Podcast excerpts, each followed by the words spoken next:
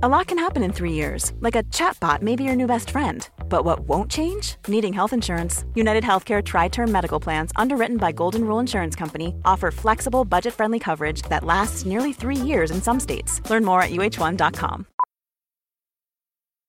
Millions of people have lost weight with personalized plans from Noom, like Evan, who can't stand salads and still lost 50 pounds. Salads, generally, for most people, are the easy button, right? For me, that wasn't an option. I never really was a salad guy. That's just not who I am. But Noom worked for me. Get your personalized plan today at Noom.com. Real Noom user compensated to provide their story. In four weeks, the typical Noom user can expect to lose one to two pounds per week. Individual results may vary. This is Paige, the co-host of Giggly Squad, and I want to tell you about a company that I've been loving, Olive and June. Olive and June gives you everything that you need for a salon quality manicure in one box. And if you break it down, it really comes out to $2 a manicure, which is absolutely insane. It's also so easy to get salon worthy nails at home with Olive and June. The difference between how your nails used to look when you did them yourself and now with the Manny system is a complete game changer. The best thing about Olive and June too is it's a quick dry. Dries in about 1 minute, lasts for 5 days and full coverage in up to 1 to 2 coats. Visit oliveandjune.com slash perfectmanny20 for 20% off your first system. That's oliveandjune.com slash perfectmanny20 for 20% off your first system.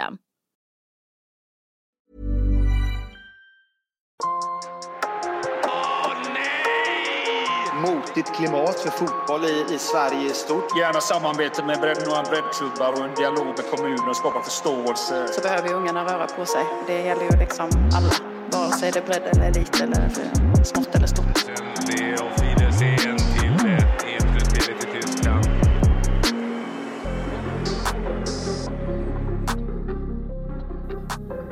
Dags för avsnitt 16, eh, blågul framtid. Krisen i svensk fotboll tillsammans med gamle landslagsmannen Premier League-spelaren Erik Edman har ju jag tröskat igenom 15 olika vinklingar på svensk fotbolls eh, utmaningar eller problem beroende på hur man ser det. Och det var ju du Erik Edman som vände dig till oss och du var orolig. Hur känns det nu när vi sitter här i, i början av februari? Är du orolig fortfarande? Nej, det är klart att jag inte ska ta på mig den hatten att jag och du tillsammans ska förändra svensk fotboll och framtiden. Men det är klart att vi har en hel del utmaningar som man säger inom skolans värld där vi behöver eh, adressera olika frågor såklart. Och det tycker jag definitivt den här serien har belyst och gjort på olika sätt. Eh, med väldigt många intressanta personer som har fått komma till tals, eh, prata till punkt och, och ge sin bild av eh, vad man kan göra och vad vi kanske behöver förbättra. Vad har du själv eh, lärt dig eller möjligtvis ändrat inställning till under resans gång? Ja, men framförallt är det ju den där kopplingen. Jag har väl en... Jag, jag kommer från bredden, men jag har ju formats väldigt mycket av elittänket. Eh, där har jag väl landat mer och mer under den här serien att det är, det är otroligt snårigt och, och komplext som, som, som många har varit inne på. Och någonstans behöver vi hitta en väg för båda. Eh, och sen har vi landat i, i, i anläggningsfrågan specifikt till exempel. Jag tar väldigt mycket inspiration och tittar på, på det de gör på Island till exempel. Där samverkan mellan skola, förening och även då eh, hur man hittar vägar för, för liksom folkhälsoperspektivet och aktivitetsytor på olika sätt i ett klimat som är betydligt mycket tuffare än det vi har i Sverige. Då ska vi eh, på något sätt eh, försöka knyta ihop det här. Vi har ju bjudit in lite representanter för svensk fotboll för att egentligen ta reda på liksom vem har ansvaret, vem kan påverka det. Vi har eh, bjudit in Kim Källström, nybliven fotbollschef på Fotbollsförbundet. Kanske högsta hönset för svensk fotboll när det gäller liksom fotbollsdelen. Vi har med Erika Nilsson som är ordförande i damsektionen i Vittsjö och jobbar hårt med den Domarsvenska klubben sitter även i styrelsen för Elitfotboll Dam och Fotbollsförbundets anläggningskommitté. Och så har vi Svante Samuelsson, sportchef för Svensk Elitfotboll som ju även varit aktiv eh, både som sportchef och klubbchef i Kalmar FF och även spelare. Så det är en eh, diger lista av eh, gäster som vi har med. Vi ska helt enkelt försöka ta en diskussion om hur svensk fotboll ska ta sig framåt. Och jag börjar med den fråga vi har ställt egentligen till de flesta eh, av våra gäster och börjar med att fråga Kim Källström. Är det kris i svensk fotboll eller? Uh, nej, det tycker jag inte. Det tycker jag är att, att, att hårdra det. Men det är klart, vi är i en eh, situation där det finns absolut möjligheter att, att utvecklas eh, och bli bättre, men och sådär. Jag tror inte man är så bra som man, som man blir, blir berömd när det går bra och man är inte så dålig som man blir kritiserad för när det går lite sämre. Så att, eh, det tycker jag inte, men eh, det, det är onekligen så att vi är i ett läge där det finns eh, stor förbättringspotential och, och många utvecklingsmöjligheter på, eh, över hela spel, spelplanen skulle jag säga. Vi har också med Erika Nilsson, ordförande i damsektionen i Vittsjö och sitter i Elitfotboll Dams styrelse. Vad är din bild? Är det kris eller? Nej, men det, det, tror jag inte heller. Jag tror också precis som Kim att det finns väldigt mycket förbättringspotential. Ehm, och det är väl bra med någon slags förändring när det kommer in en ny generalsekreterare och får sätta sin prägel på det. Ehm, eh, och det kan ju bara framtiden utvisa om eh, hur utfallet blir. Men eh, man får ändå tänka att det finns en positiv känsla i det. Och även med Svante Samuelsson, sportchef för svensk elitfotboll, tidigare förflutet i Kalmar FF. Vad är din bild av eh, eventuell kris i svensk fotboll? Men jag får nog instämma. Jag tycker inte heller att det är kris, men, men eh, alla vi som jobbar med elitfotboll är ju tävlingsmänniskor och vill prestera bra och vill bli bättre hela tiden. Och det, det jobbar vi för varje dag. Så, så, ja, vi har haft några resultat som inte varit eh, så bra som vi hade önskat de senaste åren nu. Men eh, samtidigt, om man ser på klubbsidan så var det senaste, senaste våren var Djurgården förbi gruppspelet i Europa och sådär. Så det gäller att ha lite, lite perspektiv på de frågorna tror jag också. Tänka lite långsiktigt. Då. Ett skäl till att vi drog igång poddserien var ju att du, Erik Edman, är ju lite orolig för svensk fotboll. Och, jag menar, det finns ju många aspekter, men vad, vad är det som gör att du är, är lite orolig? det är klart att eh, bredden jämfört med främst Danmark är ju eh, betydligt mindre i Sverige. Man tittar eh, deras djup självklart ställer man eh, första elvan på planen så tror jag vi kan spela ganska jämnt där. Men, men bakom där finns det otroligt många fler danska spelare till exempel. Och även Norge har gjort otroliga satsningar här på, på, eh, på sin eh, spelarutveckling och, och, det som blir bestående när man har lyssnat på, på alla de här 15 eh, avsnitten och alla de vi intervjuat så är det främst, tycker jag, som är extremt tydlig anläggningsproblematiken eh, och infrastruktur och de utmaningar som vi ställs inför där för att på något sätt maximera de, de möjligheterna vi har uppe i, i, i Norden här. Ja, om vi tar anläggningsfrågan börja med den Erika. Hur påverkar anläggningsfrågan, jag menar, om du tar ett EFD-perspektiv, eh, elitfotboll dam? Eh, nej men såklart eh, kommer det upp eh, lag från de lägre serierna så är det såklart en, en, eh, en utmaning på, eh, på många ställen med att man kanske inte har en eh, fiberinkoppling eh, och med internet inför tv-sändningar och så vidare. Att läktare inte finns på plats riktigt och allt runt omkring. Ehm, så det, det, det, kan man ju se som, som en utvecklingsfråga, absolut. Men sen om man nu ska se till de lagen som jobbar sig uppåt så är det ju oftast klubbar med en, en kanske en herrklubb i ryggen och då finns det ju andra möjligheter också eh, kring man, att använda till exempel den planen som herrarna använder. Eh, Kim Källström, hur är det att anläggningsfrågan är något som påverkar svensk fotboll i stort, men samtidigt något ni har rätt lite makt på att påverka från fotbollsförbundet. Ja, men precis. Där i ligger ju mycket av eh, ligger ju lite, eller mycket av problematiken skulle jag säga. Jag skulle också säga att anläggningsfrågan är också väldigt komplex för den, den, är väldigt an, eller den är väldigt annorlunda beroende på vart i landet man är och vilken del av fotbollen man är.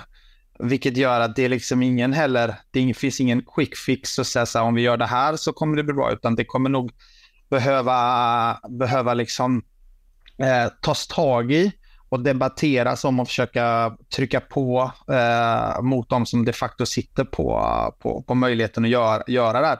Och det är nog på många olika delar. Jag menar, ser vi eh, det Erika precis var inne på, att man behöver liksom ha en viss standard om man ska spela i, i vår elitfotboll. Det, det är ju ett problem. Eh, och sen så har vi antal planer som är ett problem i, i kanske i, i mer i storstadsregionerna och sen så har vi att vi har ett otroligt eh, motigt klimat för fotboll i, i Sverige i stort, vilket gör att vi har ett jätteproblem med, med antal hallar. Och alltså, så, så det, är ju, det är ju väldigt komplext det här problemet, men det finns ju egentligen bara en, en lösning och det är att det kommer upp till ytan, det kommer upp till bo, på bordet och det här är också ett problem som jag tror slår över både liksom om vi pratar elitdelen men även på, på vår breddsida. Så det är ju, nu ska jag säga nog liksom det klyschigaste man kan säga kanske i en sån här podd, men så här, alltså utan fotbollsplan är det väldigt svårt att spela fotboll.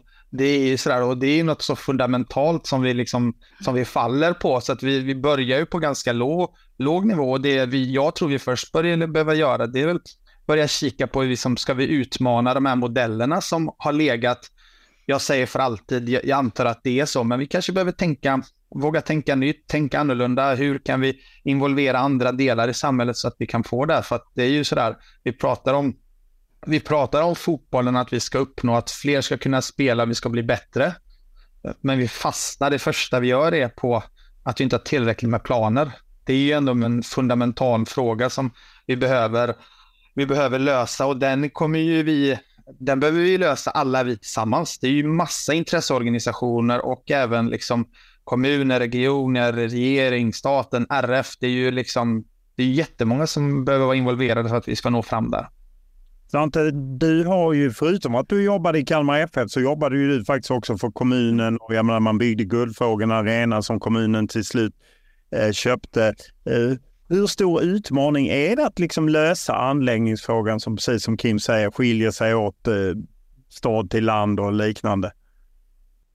Det är ju en komplicerad fråga, men precis som Kim säger så, så skiljer väldigt mycket mellan de största städerna och kanske landsbygden, om vi ska dela upp det så. Men det, det, jag tror det handlar väldigt mycket om relationer lokalt och regionalt, samarbete mellan elitklubben på orten, eh, gärna samarbete med bredd, några breddklubbar och en dialog med kommunen. skapa förståelse i ett bredare perspektiv hur viktigt det är att våra eh, flickor och pojkar är sysselsatta eh, generellt och gärna idrottar och idrottar så är fotboll en väldigt bra sport. Eh, en del har ambitioner att bli elit och en del vill bara vara med för att röra på sig och ett socialt sammanhang. Så jag, jag tror mycket på ju, ju bättre nära samarbete man, man kan ha med sin kommun, där finns de stora, den stora potentialen tror jag. Att det finns en förståelse att det, det lönar sig liksom ekonomiskt också för en kommun att satsa på de här områdena. Då. Men det gäller att det ska finnas den insikten hos, hos de som bestämmer, på, hos lokalpolitikerna. Erika, du ville säga något? Ja, nej, jag sitter också med i anläggningskommittén i svenska och vi har ju anläggningskonsulter som har varit ute i hela landet och pratat med kommunerna eh, och vi har ju ett avlångt land eh, där det finns eh, extremt mycket mer kyla, även om man inte kan tro det när man var nere i Skåne i, i, i december. Eh, och där diskuterar man just det här med, med hallar, för eh, är det, är det så att man ska vara utomhus och, och spela så just med tanke på konstgräset och granulatet som kommer att förbjudas och att många vill lägga de här intillesfria planerna för att, eh, som är lite tätare men som eh, Eh, faktiskt ger ganska mycket mer brännskador och annat. Eh, Holland har ju helt förbjudit det till exempel. Eh, så är det väl det vi trycker på med hallar, men det är också, det är också en kostnad såklart eh, för kommunerna att ta. Men å andra sidan så, så behöver ungarna röra på sig och det gäller ju liksom alla, vare sig det är bredd eller elit eller eh, smått eller stort. Och vi har ju det som eh, inte hänger ihop fullt ut med anläggningar, men det här med Riksidrottsförbundet där medlemmarna satte ett tak så att svensk fotboll får inte ut så mycket pengar och det kan man ju ha åsikter om. Men om man tänker sig Kim, hur, hur ska man påvisa samhällsnyttan som svensk fotboll gör för att på något sätt få både anläggningar och kanske bättre bidrag för att faktiskt visa att de rör på sig men kanske också ja, fostrar folk och håller dem borta från dåligt? Ah. Ja, det ena är väl att rent, eh, rent sunt förnuft tycker jag så, så säger vi det sig självt lite att eh, ju mer folk, eh, folk rör på som man är engagerad i, i föreningsliv eller eh, i, i, fotbollen i stort så, så det är klart att då, då håller man väl på med annat än att, än att bara driva runt. Eh, så, så på liksom, det tycker jag ändå det kan man nästan ändå lägga på sunt förnuft-kontot sådär och att det är klart att för folkhälsan så gör det jättemycket om, uh, om ungdomar och barn eh, kan röra på sig, att det finns och att det är tillgängligt. Sen finns det ju massa mätningar på hur, hur, mycket, hur mycket det här ändå ger till samhället, det fotbollen, eh, fotbollen gör. Så, så det är klart att det är ju det är ett arbete som vi inom fotbollen måste, måste göra. Att uh, försöka påverka. Det ena är ju antal pengarna vi får från, uh, från RF som uh, är väldigt få procent av hur stor vi är som, som idrott, vilket det kan man ju tycka vad man vill av och det, det kan man ju diskutera om hur lösningen är där. Sen är det väl så att det kan finnas andra pengar i samhället som kan vara med och, och, och finansiera, finansiera anläggningar. Så att jag, jag tror steg ett i alla sådana här frågor är precis det vi gör nu, att vi debatterar det och vi pratar om det och vi lyfter upp det till de som faktiskt eh, kan bestämma till slut och ge dem, och ge dem möjligheten med gott underlag att eh, ja, men om vi väljer den här vägen så kan vi göra det här om vi inte gör det. Om vi inte väljer den vägen, så alltså de får ta ett beslut med bra underlag. Det tror jag är väldigt viktigt, för om man sitter som kanske lokalpolitiker som Svante var inne på lite, eller om vi pratar i andra instanser i regioner och så. Man kanske inte har fullständig insyn i vilken brist det är. Och det tror jag är liksom viktigt först att få folk att förstå hur viktigt anläggning, handläggningsfrågan är som liksom grundbult för att vi ska gå vidare sen. Sen finns det ju oändligt mycket saker vi kan göra efter det. Men tillbaka till det här, utan planer blir det svårt och vi har haft en har haft en spänstig vinter minst sagt. Och det är klart påverkan på alla, om vi ser liksom på alla elitklubbar, att eh, det är hur svårt att hitta någonstans att träna. Men sen om man petar ner det ner i bredden, då är det ju ännu svårare att hitta möjligheter för, eh, för de eh, barnen och ungdomarna att träna. Och missar man lite tid så kanske man inte hittar tillbaka sen heller. Det, då kanske man hittar något annat spår och det, det är farligt. Erika, du som då sitter i anläggningskommitté för Svenska fotbollsförbundet, hur, hur känner du att ni når fram till de som bestämmer eller att ni kan påverka dem? Nej, men som sagt, vi, vi har ju haft eh, anläggningskonsulter ute nu i två år och besökt alla Sveriges kommuner och just belyst problemet med tillgängligheten för hallar och för eh, inomhusplan, eller både inomhus och utomhus, för vi har ju futsal också som en sport. Eh, och det är alltid svårt för kommunerna för de tycker att futsal är, är liksom, det är fotboll Eh, och fotboll kan man spela ute, så att de ser inte det som en inomhussport eh, på samma sätt. Men det, det har vi fått ut och eh, försökt belysa eh, problemet av. Men det, det, handlar ju oftast om att man kanske inte träffar rätt människa eh, när man är ute på kommunen. Man träffar kanske en, en fritidskonsulent eller en eh, eh någon som jobbar på fritidsförvaltningen som kanske inte har fullt ut mandat att, eh, att ta beslut i alla frågor och så vidare. Så det måste ju lyftas än högre upp för att, för att det ska få riktig styrka såklart. Erik? Min bild är ju att vi har satsat inom Sverige ganska mycket på, på anläggningar, framförallt då, då Friends, då Tele2. Här nere i Helsingborg har vi ett fina Olympia, men vi har glömt bort det här med tränings och, och liksom, eh, aktivitetsytor eh, för, för att eh, kunna utveckla spelare och även då ungdomar och barn. Att just, just eh, anläggningsfrågan, tittar man Norge så har de ett litet nationalarena i Ullevål till exempel. Vi har parken nere i Köpenhamn som inte heller är top notch jämfört med Friends. För de har ju, jag upplever att de har valt en annan väg än vad vi har gjort. Nej, men på riktigt Norge, det, det, det finns en bredare, ska jag säga, eh, större ekonomi samhällsmässigt att ta ansvar för, för hela bredden i deras eh, regioner och fylken och så vidare. Och, och går vi till, till Island är det ännu mer, ska jag säga, eh, tar de ett ännu större ansvar för, för alla sina ungdomar att de ska vara aktiverade. Så och det, vi, vi, har en väg att gå där i Sverige och det, det vi kanske inte varit tillräckligt duktiga på liksom att propagera och lyfta de frågorna och nå ända fram till beslutsfattarna. Jag kan känna. Så jag, jag håller med dig där Erik. Ja, nej, men jag, man kan ju, kan, ju, kan ju bara instämma där. Vi har ju väldigt många, väldigt många fina... Om vi slår liksom ett rakt över spelbordet i Sverige så har vi ju många fina fotbollsarenor. Vi har inte lika många bra träningsanläggningar. Så kan man säga eh, generellt. Ju. Och, det, och det är klart att det är ju en... Det är ju, det är ju så att man är man är en del på, på sin arena, men man är ju väldigt, väldigt mycket mer på, på sin träningsanläggning eller på träningsplan. Så att det, ja, jag får backa Erik i, i det och även Svante. Om vi tar det som eh, varit lite genomgående när man pratat med folk är ju liksom eh, en dragkamp mellan bredd och elit. Och jag menar, på många sätt representerar ju alla ni tre bredden, kanske Kim lite bredd i och med att han är fotbollschef på förbundet. Men hur ser ni, om vi börjar med Kim, på dragkampen mellan elit och bredd och vem som ska prioriteras? Uh, för, mig är det, för mig är det ganska enkelt och, och uppenbart. Det, det, ska inte vara någon prioritering uh, däremellan, utan vi måste hitta ett system där vi har, uh, vi har en bredd och en elit som, som samexisterar, som inte som inte tar resurser ifrån varandra utan det är ju olika typer av, eh, olika typer av verksamheter som ska parallellt liksom jobba, jobba med varandra. Sen så ska det ju vara öppna, öppna spjäll däremellan också. Men jag tror det är viktigt att, att komma fram till att det är lite man fyller två olika funktioner i, i, fotbolls, eh, i fotbollsvärlden eller i fotbollssamhället. Och, och när man har kommit fram till det, då tror jag kommer det bli enklare att, att, att jobba kring det här. Och jag tror att om man satsar allt man har på, på eliten, då kommer bredden utarmas och då kommer fotbollen sakta, sakta dö ut också, för det kommer inte funka.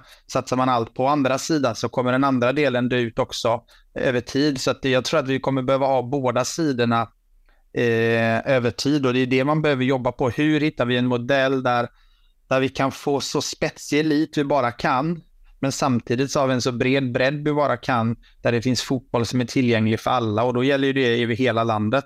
Så där finns det ju eh, finns det ett jobb att göra. Men jag tror framför allt att det är den här typen av diskussioner, att vi helt plötsligt börjar, börjar prata om det, att man, att man får säga att elit är viktigt, man får säga att bredd är viktigt. Det, det tror jag är liksom grunden till, till det här och att vi, att vi har en, eh, en diskussion och en samverkan mellan alla olika intresseorganisationer som SEF, EFD, vi på förbundet, eh, men även med föreningar och, och distrikten. Det här är ju inget, eh, inget vi kan lösa, lösa själva, utan vi kommer ju lösa det ihop. För att det är ju, fotbollen är ju väldigt komplex och det finns många stakeholders i den, men lösningen är ju för mig samverkan, eh, förståelse för den andra sidan, Uh, och att man kan jämka lite på, på vissa delar för att få lite tillbaka på andra. Men att, att vi kommer behöva båda för mig uppenbart. Det, för mig står inte bredd och elit mot varandra utan de står med varandra. Hur ser du på det Erika som ju jobbar i en elitklubb och sitter i EFD? Um,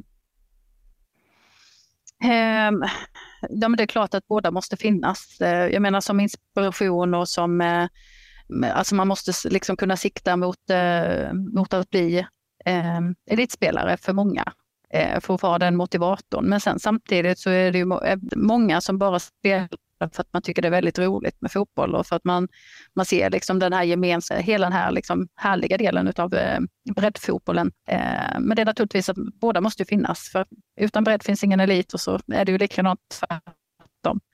Eh, så att det, vi, vi måste ju hitta ett bra sätt att samverka Svante, eh, jag gissar att du ändå stöter på det här som representerar SEF på Svensk Elitfotboll och akademier och certifiering och sen då bredden. Att det är lätt att säga att bägge ska samverka. Hur, hur tycker du att det funkar? Som ju ändå har lite rötterna i Kalmar och finns där också tycker faktiskt att det funkar bättre och bättre. Vi, vi åker på ett antal studieresor varje gång eh, med som på akademi där. Thomas Asselgren på akademiutveckling. För två år sedan var, var de i eh, Danmark i många klubbesök.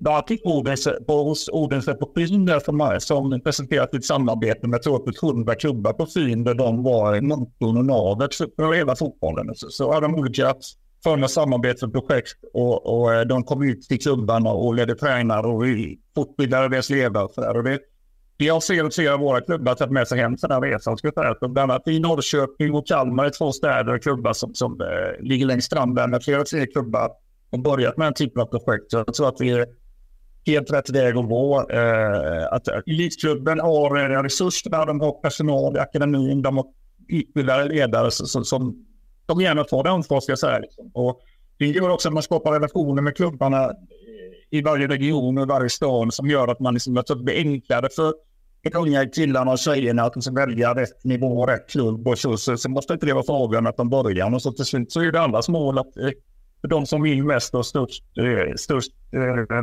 förutsättningar för eh, det, då elitklubben och fick en elitspelare. Men eh, den modellen tror vi väldigt mycket på. Den är absolut ökande. Erik, eh, du som är aktiv i, i Hittarp nu och har varit i Helsingborgs IF och även Landskrona Boys, både liksom elit och eh, i bredd. Varför är det viktigt att få ihop de här verksamheterna? Nej, men jag slår väl an lite på det Svante säger, just samverkan där, att man, man på något sätt har den här pyramiden, en hälsosam pyramid. Man, dels går man uppåt, men, men samtidigt så trillar det ner spelare neråt. Det ser man ju på, på, på Helsingborgsfotbollen. har väl aldrig varit så svag som den är idag, kan man väl säga. Alltså våran lilla fotbollsfamilj, kan man, man uttrycka det så. Eh, när, när HF går starkt går även de här lokala föreningarna mycket, mycket starkare. Så att det, den typen av samarbete och att man, ja, symbiosförhållande och att man använder varandra på ett positivt sätt. Det, det tror jag är helt rätt väg att gå också. Erika, du ville komma in? Ja, nej, men i Skåne så har vi ju ganska nyligen sjösatt ett projekt som heter Varannan skåning där vi, där vi vill att eliten ska liksom utbilda neråt till, till de lagen under och sen att det ska fortsätta som en drop-down eh, ner till, till, till alla serier egentligen. Eh, så att det, det är igång i alla fall ett, ett projekt för att, för att se hur vi kan samverka på ett än bättre sätt. Ja, men jag, tror, ja, men jag tror det. det jag tror att så här, eh, det är ju liksom ordet som används hela tiden är ju, är ju samverkan och det är ju det som är, är liksom nyckeln till det. Jag håller med Svante om eh, de projekten som har, har startats, eller de tankarna där som har startats eh, i Kalmar och i Norrköping är, är väldigt, väldigt spännande. Men det bygger ju på att man hjälper varandra. Det bygger inte på att man hjälper varandra, utan det bygger på att man stöttar varandra och ger varandra man erbjuder den eh, liksom hjälpen och stöd som den, till den andra som man inte, den andra inte har och så vice versa. Och då det är klart att då blir det ju, då ställs det ju inte mot varandra utan då hjälper man ju varandra och det tror jag är liksom, eh, det, det tror jag verkligen är en, eh, en nyckel här och då kan man också kanske dela på lite, på lite resurser och vi vet alla att utbildade tränare är liksom en, en nyckelfaktor eh, till det här så kan man då som elitklubb få ut sina utbildade tränare lite i bredden. Men då kommer man hjälpa det och då kommer man stärka, stärka breddföreningarna på ett annat sätt. Man får också en, man får också en, en god relation till sin elitförening. Det man behöver få ihop i någon form av ekosystem kanske också där man, där man kan gå in i en man kan komma in i kanske en elitklubb, men om man, alla slår ju inte igenom, alla når ju inte hela vägen kanske till eh, A-laget i, i, den, i, den, eh, i den klubben. Ja, men vad händer med den spelaren då? Då ska den ju tillbaka in i, i, i systemet. Så, så att jag tror att just det ekosystemet som man kan, kan skapa i en sån situation är, är väldigt positivt. Så att, eh, jag tycker det är väldigt positivt att fler klubbar tar efter eh, den modellen. Jag tror, jag tror också på den. Om vi skiftar ämne så är något som har kommit upp när vi också pratat med folk är ju där att var ligger ansvaret? Vem är det som bestämmer och hur? Eftersom det finns ju en struktur med fotbollsförbund och distrikt och sen då intresseorganisationer. Har du full koll, Erik, på vem det är som bestämmer vem som har ansvaret för svensk fotboll? Nej, det är ju Kim nu som, som styr allting. Nej, det har jag inte, Olof. Det har jag inte. Men du hade helt rätt. Det är jag. jag skojar bara. Ja, men hur, hur, ser du på det? Vem har liksom ansvaret för att... Jag menar, det finns ju då en massa frågor. Elitbredd, det finns akademier, det finns eh, landslagsverksamhet. Mm. Var ligger ansvaret? Vem ska man vända sig till? Det här funkar inte. Quality sleep is essential. That's why the Sleep Number smart bed is designed for your ever evolving sleep needs. Need a bed that's firmer or softer on either side? Helps you sleep at a comfortable temperature? Sleep Number smart beds let you individualize your comfort so you sleep better together. JD Power ranks Sleep Number number 1 in customer satisfaction with mattresses purchased in-store. And now, save 50% on the Sleep Number limited edition smart bed for a limited time. For JD Power 2023 award information, visit jdpower.com/awards. Only at a Sleep Number store or sleepnumber.com. Here's a cool fact: a crocodile can't stick out its tongue. Another cool fact: you can get short-term health insurance for a month or just under a year in some states. United Healthcare short-term insurance plans are designed for people who are between jobs, coming off their parents' plan, or turning a side hustle into a full-time gig Underwritten by Golden Rule Insurance Company, they offer flexible, budget friendly coverage with access to a nationwide network of doctors and hospitals. Get more cool facts about United Healthcare short term plans at uh1.com. Hiring for your small business? If you're not looking for professionals on LinkedIn, you're looking in the wrong place. That's like looking for your car keys in a fish tank. LinkedIn helps you hire professionals you can't find anywhere else, even those who aren't actively searching for a new job but might be open to the perfect role. In a given month, over 70% of LinkedIn users don't even visit other leading job sites. So start looking in the right place. With LinkedIn, you can hire professionals like a professional. Post your free job on linkedin.com slash people today. Ja, jag, jag, jag tror att vi är, vi är inte många, men en del som har ansvaret, och det vill säga olika, olika organisationer eller Alltså, som vi eller organisationer, organisationer eller intresseorganisationer. Det, eh, det är nog många som ändå har, har ett ansvar i det här och det är väl det som är det viktiga. Till exempel att eh, vår relation till eh, eh både Erika, EFD och Svante i, i, i SEF och sådär.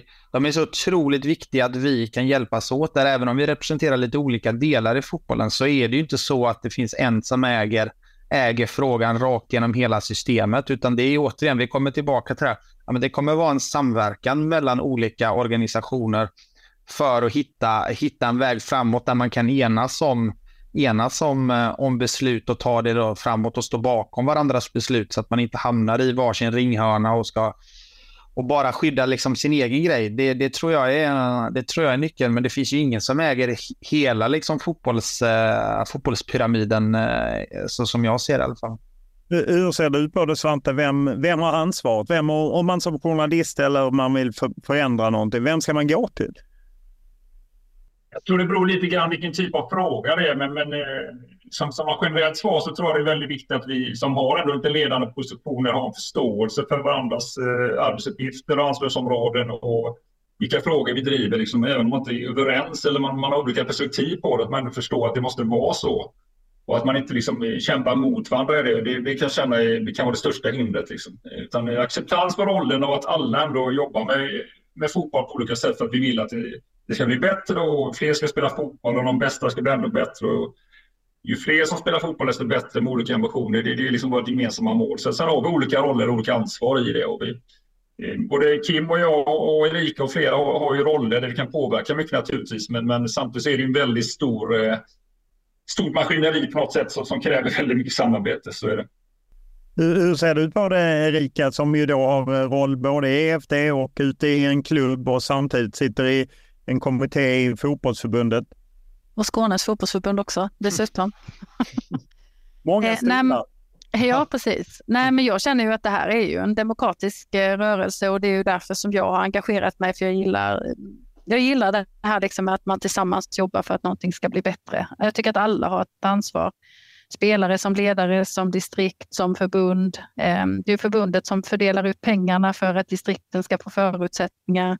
Och sen måste det finnas rätt folk på distrikten som som fördelar liksom medlen ner och hjälper ner med allt ifrån STU-läger till eh, Halmstad-läger till eh, DM till eh, ja, ner till fotbollscoach, eh, till domarutbildning. Alltså det, det är så otroligt många delar i, i fotbollen som gör den så himla komplex men också så himla rolig och spännande. Så att det, det, den, det beror helt på vem, vad, vad det är för fråga du har tror jag, vem du ska vända dig till jag kan uppleva att, att just den här distriktsmakten som finns, att det blir ganska långa beslutsvägar och det blir stelt eh, och vi har svårt att, att egentligen komma framåt eh, och, och, ta beslut. Kring vilka delar tänker du då? Ja, många delar. Det kan vara, ska vi förändra någonting i utbildningsplaner? Ska vi ha U21-lagen in i seriesystem till exempel? För var, ja, no, ta något konkret exempel så. Eh, ja, det är ju repskapet såklart som, som bestämmer tävlingsreglerna och, och det är ju bara en gång om året så, så det är såklart. Det, eh, men det är ju de bestämmelserna vi har i, i svensk fotboll och då får ju medlemmarna eh, alla tillsammans påverka eh, om, om saker och ting ska förändras. Men sen kan jag väl tycka att just tävlingsreglerna är väl ganska viktigt att det kan få eh, mogna eh, ibland för att man ska ta rätt beslut. Eh, så att det, det, jag håller med dig, både, vissa saker kanske borde gå snabbare, eh, men vissa saker behöver kanske vila lite i sin linda innan man väl tar beslut och göra, göra lite utredningar. Eh, förhoppningsvis ska det inte ta längre tid än ett år innan saker och ting kan förändras. Eh, när man ändå pratar om att eh, jag menar, svensk fotboll behöver utvecklas eller det finns utmaningar som man gärna använder sig om att man kanske vill ha förändringar. Finns det, ändå, finns det inte ett behov av något slags centralt organ som liksom drev det här? Att det, om det behöver gå snabbare. Jag vet Jens T Andersson när han kampanjade för att bli ordförande i svensk, Svenska fotbollförbundet. Han pratade om att det behöver gå snabbare, samhället går snabbare. Hur, hur ser du ut på det Svante? Att, att ibland är lite trögrörligt i svensk fotboll. Det är kanske av godo ibland, men kanske att man inte riktigt hinner med. Men jag kan hålla med men Jag, jag förstår ju Jens eh, synpunkter på det. Liksom. Och det, det kan vi känna ibland som en intresseorganisation så, så, som är lite färre klubbar och kanske eh, är utsatta för stor konkurrens internationellt. Du känner att vi måste, för, för det en utveckling så måste vi kunna ta besluten lite snabbare. Och det, det kan ju vi ibland känna frustration över Eh, Eh, den här demokratiska processen som, som, som, som, måste, eh, som frågorna måste tas igenom. Samtidigt så måste vi också förstå att förbundet måste vara uppbyggt på det sättet med att de ska finnas för förankring. Men ibland kan det vara så att vi känner att frågor är ganska avgränsade till oss. Om, vi till exempel vill spetsa eh, formatet på P90-allsvenskan så, så, så, kan man känna att vi bara får bestämma det. Sen är det bara våra klubbar som är med i princip. Men så är det ju inte alltid det, utan det kan vara en annan klubb som är uppe och då då måste vi förstå att vi är en del av helheten där. Men, men ibland kan man känna en otålighet i det, absolut. Eh, Kim, du har ju bara varit inne ett eh, par månader eller mm. kanske bara någon månad. Hur, upplever du det som kommer in i en struktur som du kanske ändå inte riktigt är van vid att det är lite... Det är inte som i en elitklubb att man bestämmer nu gör vi så här och så accepterar alla det. Uh, nej men så är det ju. Det är ju uh, jag tänker det är en del av styrkan och, och, och, kan ibland vara en del av svagheten. Men uh, jag tror överlag så, så är ju systemet som det är och det, det, det, får, vi, det får vi acceptera och jobba, jobba utifrån det. Men jag tror att man målet är ju att om man, om man kan hitta förståelse till exempel hos oss på SVFF för det, till exempel en fråga som SEF eller EFD har, om man kan hitta liksom, eh, samsyn i det så kanske man kan, eh, kan få fram det, få fram det lite, lite snabbare. Men ja, det, är väl också, det är väl också en sån här fråga som man bör liksom diskutera lite. Så här, okay, vilka frågor är det som vi behöver gå lite snabbare med? Vilka behöver vi eh, kanske ligga lite längre på? Man behöver utreda lite. så att det, det, blir, det blir som alla man vill ju så gärna ha hela tiden liksom så här ett formulär, så här gör vi. Men jag, alltså, fotbollen är så otroligt komplex, det är så otroligt många frågor. Det är liksom inte, någon fråga kanske hamnar på den ena sidan, men en annan fråga hamnar på en annan. Så att, eh, ja, det, det, det finns väl liksom en tungroddhet i det, men det är väl också för att det är så, så stort fotbollen. Att det, det, det, det påverkar så otroligt många och det påverkar också så Eh, många olika typer av delar i det. Det finns ju en, liksom en bredd ifrån om jag tänker från eh, en landslagsspelare som, eh, som precis debuterade i vårt A-landslag ner till en knatte som precis börjar spela fotboll. Alltså spännvidden mellan dem är ju, är ju enorm, men de är ändå i, i samma rörelse. Så det, det, det, det finns, man, jag tror också man måste ha en förståelse för hur många som fotbolls, fotbollsrörelsen påverkar och når. Vilket gör att det, det går liksom inte att ha det ja, så, så enkelt som man skulle vilja ha det i, om vi ser på i, liksom, eh, om vi tar i, i SEF till exempel, där det är 32 klubbar som är berörda bara. Så är det ju inte i, i den stora fotbollsfamiljen.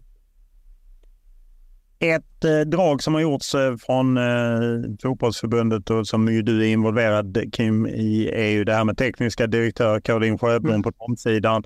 Peter Wettergren på här sidan. Om vi börjar med dig Erika, vad har ni för förhoppning att eh, Caroline Sjöblom ska kunna bidra med på, på damsidan? Eh, nej, men mer, mer bra utbildning för våra, för våra kommande, eh, kommande unga spelare. Eh, det, det, jag tror det blir jättebra. Det, det är spännande. Hur ser du på det Svante med Peter Wettergren som kommer in i, i den rollen och ska jobba liksom talangutveckling, spelarutveckling.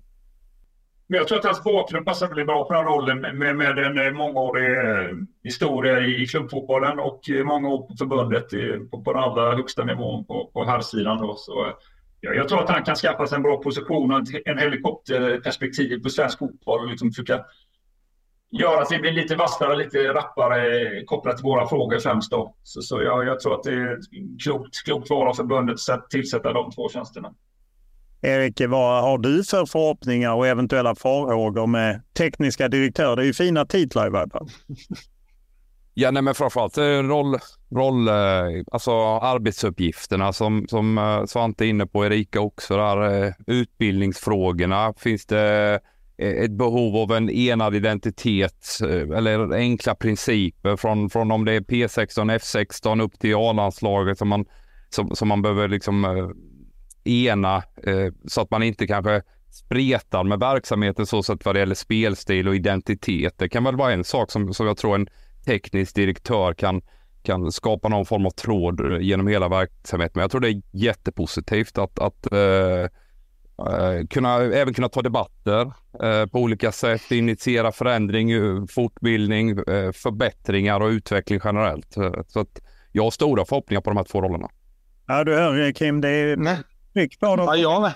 ja, ja, jag med. Vad är det du vill ha ut av Sjöblom och Wettergren och att de ska sätta för prägel?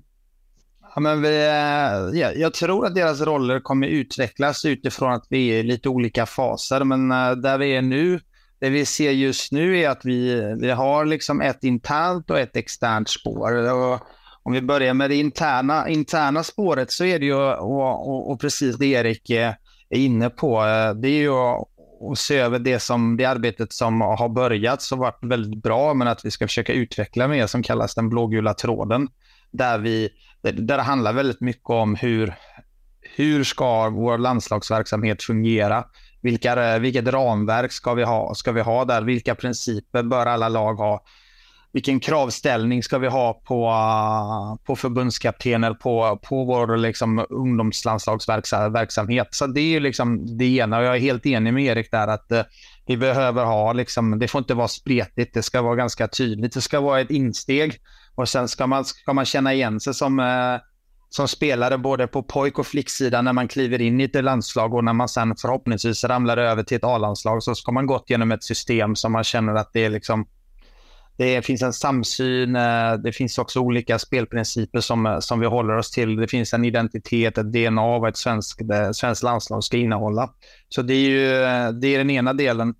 Sen har vi den... in, eh, Kim, på mitt andra del.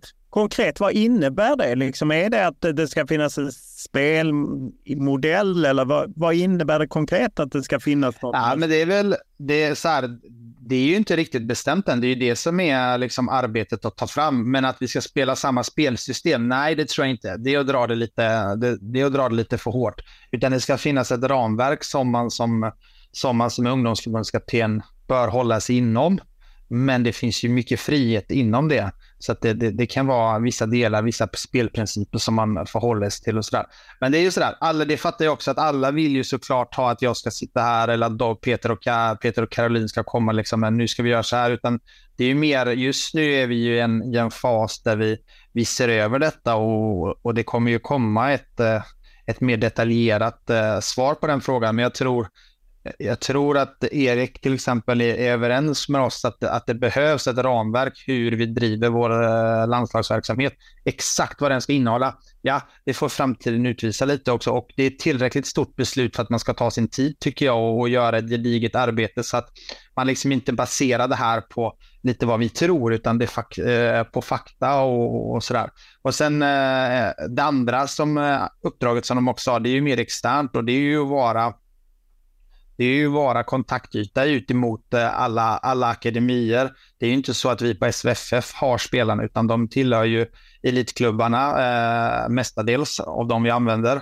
Eh, så det gäller att vara liksom kontaktytor ut mot eh, EFD, ut mot SEF, akademierna, att vi har liksom ett, vi behöver ha ett strömlinjeformat och så nära samarbete med våra, våra elitklubbar och alla akademier vi, vi bara kan, där vi kan hjälpa varandra och sådär. För till syvende och sist är det samma spelare vi använder och jag tror att både EFD och, och SEF vill vinna, vinna, det vill även vi. Så det är väl egentligen det de tar uppdragen om och plus att de, i och med att de är ju, de ska ut i verksamheten, de har inget personalansvar på det sättet utan de är ju två stycken som är ganska fria och, och, och ta sig ut i verksamheten och, och, och vara nära och träffa folk. Så att det är ju så här, man, Vi behöver bli konkreta, vi behöver liksom förstå hur, hur verksamheten fungerar och då behöver man vara ute i den. Det är ju, det, är det som är det viktigaste för oss. Så att, eh, jag har stora förhoppningar på, på de två rollerna och är supernöjd med att vi hittat eh, just Peter Wettergren och Caroline Sjöblom för att de brinner för detta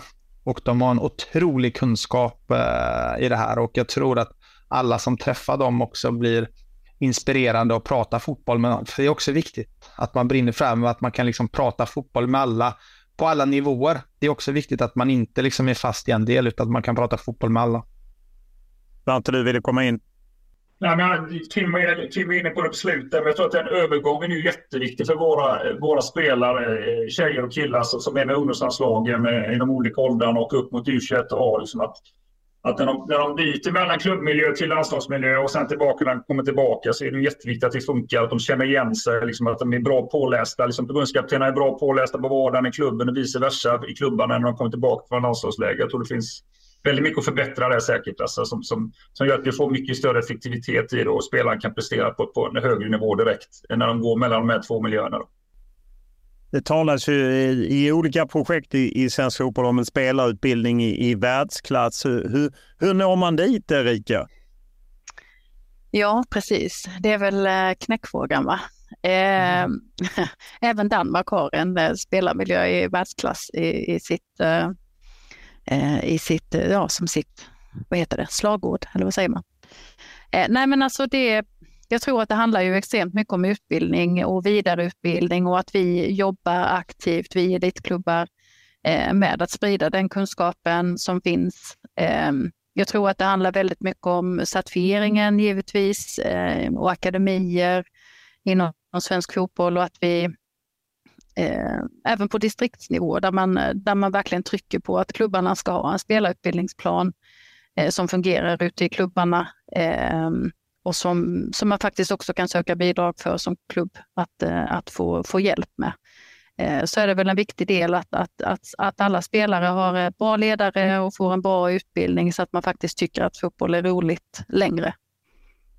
Erik, eh, du, eh, vi har ju pratat om det här, just en spelarutbildning i världsklass. Hur gör man så att det inte bara blir ord så att säga och att det blir verklighet? Nej, men framförallt är det ju liksom att följa upp saker, att skriva ner och ta ett beslut. Det är världens enklaste, men det är ju det, det tuffa och, och det, det tidskrävande är ju att följa upp det. Och, eh, någonting som, som man har jobbat mycket med i Norge vet jag ju det att, att man har coacher till tränarna inom elitföreningarna. Det tror jag också att någonstans ska, ska, ska spelarna bli så bra som de bara kan så behöver ju tränarna maximeras också. Eh, så, så det tror jag är en jätteviktig funktion framförallt då i elitmiljö, att man har tränarutbildare som, som ger feedback, återkoppling eh, i samband med träningen, att, att tränarcoachen tittar träningar. Hur instruerar du? Var står du på planen till exempel? Vilken typ av feedback ger man i, i varje given situation? Det kan, kan ju vara jätteavgörande hur, hur en person tar in information. Vissa är teoretiker, vissa är praktiker och så vidare. Så att eh, lära känna, känna sin spelargrupp och sådana grejer. Så att, det, det, tror jag, just den rollen spelarutvecklare tror jag är extremt eh, bra för att snabba på processen ytterligare så att säga vad det gäller spelarutveckling. Men också att vi har välutbildade ledare. För det är också en, en, en, eh, morot till att folk stannar kvar inom fotbollen, att man har en bra ledare som verkligen kan ta hand om, om, om sitt lag på ett bra sätt. Eh, det, det, det är ju därför många slutar, för att ledaren kanske inte har varit eh, så himla bra. Kim, hur ser du på det att det just man ska nå högre med spelarutbildning och att det inte bara ska bara är något man säger utan det verkligen ger resultat över tid? Alltså det, det finns ju så många olika delar i det här för att nå liksom en, en kvalitativ eh, spelarutbildning. Eh, och, och, jag tror att tränare, utbildade tränare är ju i nyckeln. Och det är ju eh, över hela, över hela spannet att man att vi får in ganska många som, eh, som går eh, Eh, instegsutbildningen, men att man sen också får, får dem vidare. Och där har vi eh, ett litet jobb att göra och det har vi på förbundet redan börjat fundera på hur, hur vi ska få, få folk vidare och utveckla sig så att man tar liksom, så att man, man hoppar in på insteget och sen tar nästa och nästa steg så att man fortsätter så att man inte fastnar här nere, det är, tror jag, en, en ganska konkret sak som om vi kan få, få lite fart på det så kommer det Eh, så kommer det kunna vara en väldigt bra eh, utveckling, eh, utveckling, eller vad säger man, säga, eh, utväxling på det. Eh, sen tror jag också som Erik är inne på lite där, att det, och det är också något vi kikar på, eh, på den sidan, det är som att man har utbildare för utbildarna. Eh, att man får ett, ett stöd i det så att man inte, så att man hela tiden eh, stimulerar de som är utbildare också, det vill säga tränare. Så att eh, ja, men det finns, just på tränarsidan så, så tror jag det finns väldigt, eller tränarutbildningssidan ska jag säga, där finns det, där finns det, där finns det mycket att göra. Och, och när man går, man gör ju ideell ledare även om man har gått de första kurserna. Liksom. I, på, det, det är inte så att man är troligtvis arvoderad då, men det är just det där att man får upp Får vi upp liksom den lägsta nivån på, på utbildare, ledare lite, bara några procent, då kommer vi liksom putta det här uppåt i systemet och det tror jag vi kommer ha en god utveck utveckling på. Och när man har fått upp det, ja, men då kan man ta nästa steg. Men man kan liksom inte, man får inte lägga ribban för högt utan man får liksom sakta men säkert putta, putta det här framåt. Så att eh, tränarutbildning är ju tror jag en av, det finns, man skulle vilja att det var en nyckel, men det är nog inte, utan men det är nog en av nycklarna i alla fall eh, i det hela. Men sen hade det varit kul att se eh, i vanliga fall så vill ju barnen oftast bli, liksom, vad vill du bli när du blir stor? Ja, men det är fotbollsproffs. Liksom. Men eh, hur många unga säger att ja, men jag skulle vilja bli världens bästa fotbollstränare eller världens mm. bästa fotbollsdomare?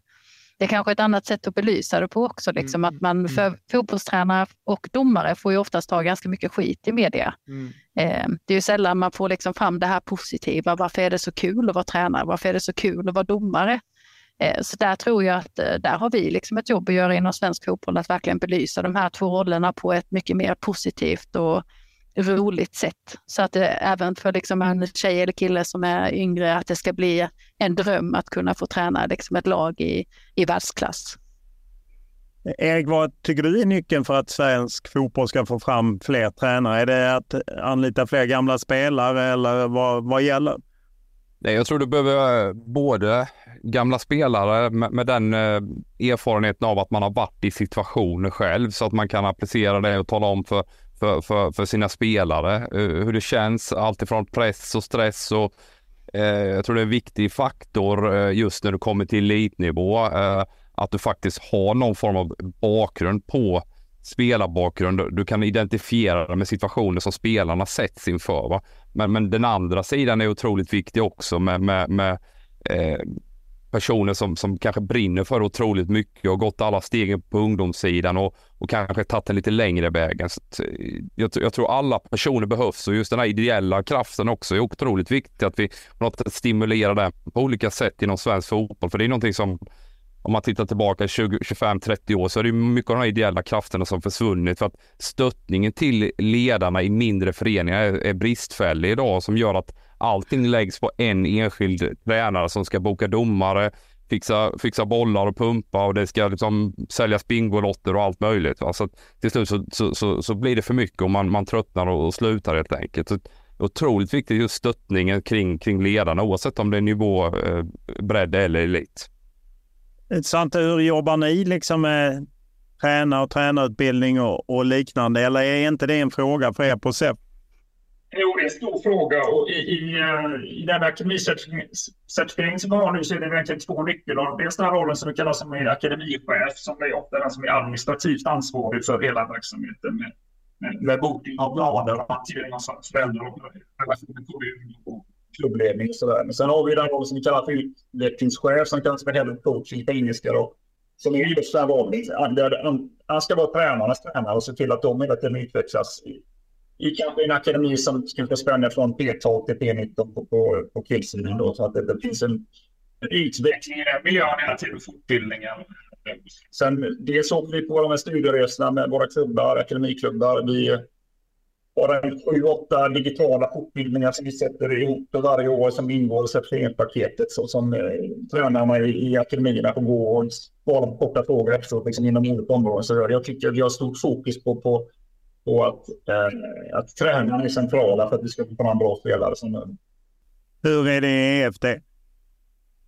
Ehm, det är olika naturligtvis beroende på hur stor eh, klubben är. Vi har ju inte riktigt heller samma certifiering som, eh, som man har på här sidan. Ehm, utan vi går väl mot, eh, mot att eh, få en bättre certifieringsprocess. Eh, men i dagsläget så, eh, så handlar det mycket, i alla fall för Vittsjös del, eh, får jag ju tala för då, ehm, att man är ute bland klubbar och försöker eh, stimulera och utveckla och då har vi med vår huvudtränare ut och ett par tjejer från, från A-laget som hjälper till och bedriver träning och eh, ja, sprider liksom kunskap och man får möjlighet som tränare för olika lag att vara med och delta och man får som spelare då också vara med och delta. Så att vi försöker ju liksom belysa fotbollen från det hållet eh, istället. Sen eh, naturligtvis önskar man ju att alla hade haft eh, akademilag och eh, möjlighet att ha eh, anställda fotbolls eh, head of coaching och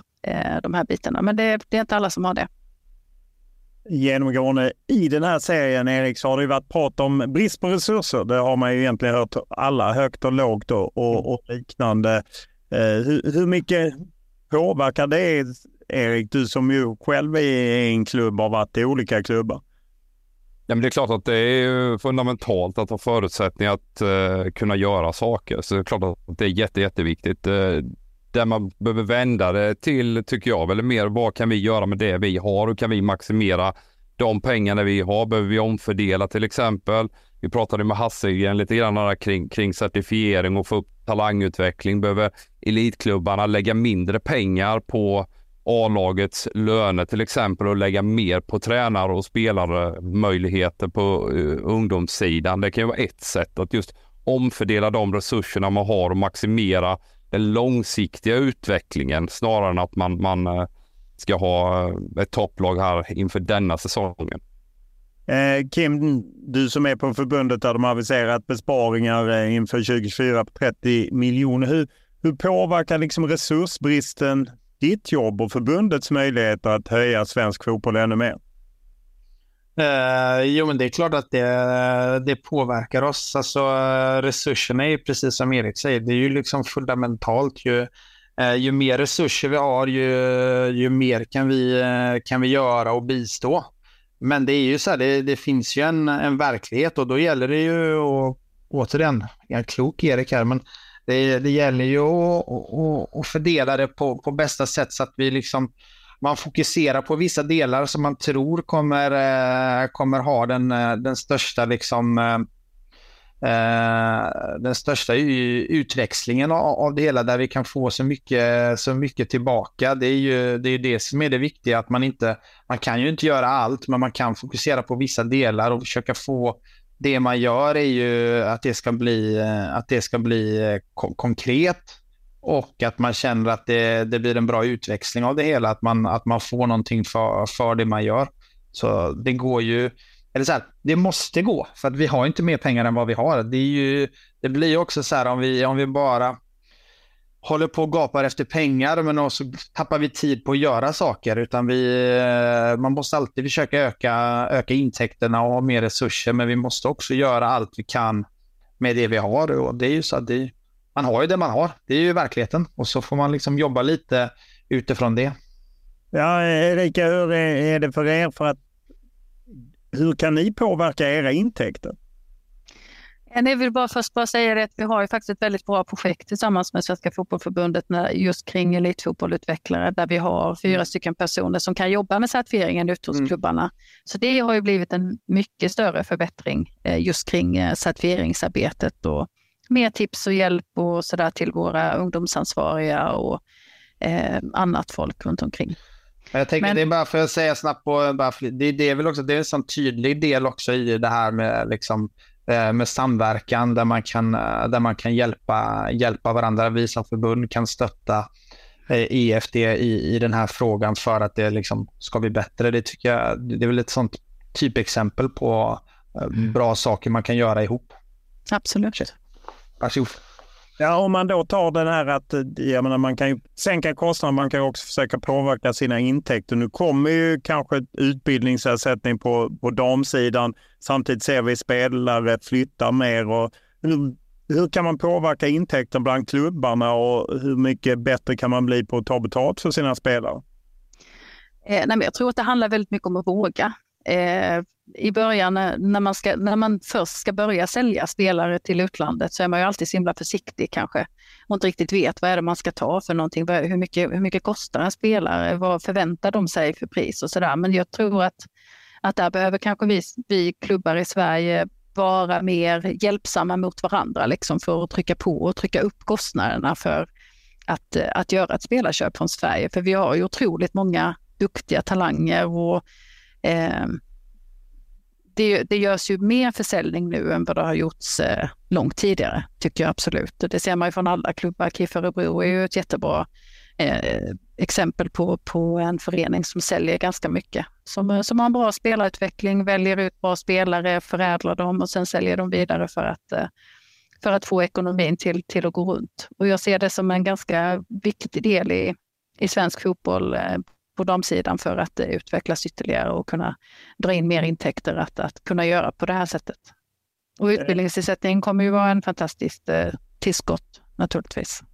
Hur mycket blir det en nyckel att våga skriva lite längre kontrakt som man kanske inte alltid gjort på damsidan? Eh, nej, men det är ju superviktigt. Eh, det ser vi ju att eh, helst treårskontrakt, för då har man ju i alla fall ett och ett halvt, två år på sig eh, att verkligen göra det bästa man kan av eh, spelaren och, och, lyfta upp den på ett bra sätt. Så att eh, treårskontrakt är ju alltid det bästa, men eh, tvåårskontrakt minst i alla fall. Svensk elitfotboll eh, har ju det här projekt 500 och man har ju lyckats höja eh, intäkterna från spelarförsäljning. Man har ju också Europaspel som kan ge intäkter. Vilket tryck och vilka möjligheter ser du Svante på att ni kan öka intäkterna för att ge er själva mer resurser? Jag tycker att det finns en stor potential. Precis som du säger så har våra sportchefer varit väldigt duktiga de sista två åren här. Eh, legat tidigare på ungefär 300 miljoner snitt försäljning för allsvenskan. Gått upp på 600 miljoner två år i rad Nu har målsättningen till 800 då. Inget till början med i alla fall. Men eh, vi ser ju att vi är duktiga på, på våra klubbar på att producera unga lovande duktiga spelare. Bara den här veckan så har det ju varit med, med, med Sonko och Bergvall och, och och eh, Astari där. Så, så, så eh, det finns någon potential i svensk fotboll, ett stort intresse för de vet att vi är duktiga på att utbilda spelare som, som jag tror också är, eh, fungerar bra ofta när de kommer ut eh, i klubben. Eh, Beter sig bra liksom och är professionella. Så, där. så, så där har sportcheferna gjort ett kanonjobb. Och, och, jag tror att förra året var det 21 procent av totala intäkter för klubbarna var från spelarförsäljningen. Så, steg två är det som liksom på ett sätt nästan är minst lika viktigt. Är vad gör man med de pengarna man får in från transfer? Så det, där pratar vi väldigt mycket i projekt 500 om att återinvestera de pengarna på ett lika klokt sätt som man, som man har fått fram de här spelarna Att prioriterat. Att mycket, mycket av de pengarna går då till fortsatt akademiutveckling för att få fram ännu fler unga spelare som man kan sälja sen och får den, få den speldragningen gå åt rätt håll. Men där är liksom en balans mellan kortsiktigt och långsiktigt. Samtidigt som våra elitklubbar har ett tryck på sig att prestera bra den kommande säsongen och sådär. Så, eh, men jag tror att det forumet är bra för oss att diskutera med våra klubbar. Sen får varje klubb ta sina egna beslut. Hur ser du på den lite slentrianmässiga kritiken kanske som det blivit att svenska klubbar är dåliga på att ta betalt och så tittar man kanske på främst Danmark men även lite Norge, att de lyckas få bättre, ännu bättre betalt? Och jag tycker att våra sportchefer är minst duktiga behandlare. Men det handlar väldigt mycket om vilka klubbar man säljer spelarna till. Då. Och det tror jag framförallt Danmark har större potential att sälja till större ligor och då får du bättre betalt. Eh. Så det är egentligen nästa kliv, nästa barriär som vi ska ta. Att vi säljer lite för få spelare direkt i topp 5. Men, men, men, nu, nu har vi spelare spekulerar som Bayern München och Barcelona och så vidare. Eh. Eh, AIK sålde gärna lite till Brighton. Så, så, så det är den nosen. potentialen som har spelat finns. Jag tycker vi ser att Emier är duktiga på, på att och, och eh, spelarna som handlar mycket om att våra klubbar ska ge de här duktigaste spelarna speltid. Ser det som en naturlig del av hela klubbens strategi. Det, det, är, mycket, det är nästan kärnan i 500 de diskussionerna. Eh, Kim, eh, om man ser till din möjlighet att öka förbundets intäkter så handlar det väl främst om herrlandslaget att ta sig till stora mästerskap. Eh, vilken betydelse finns det i det?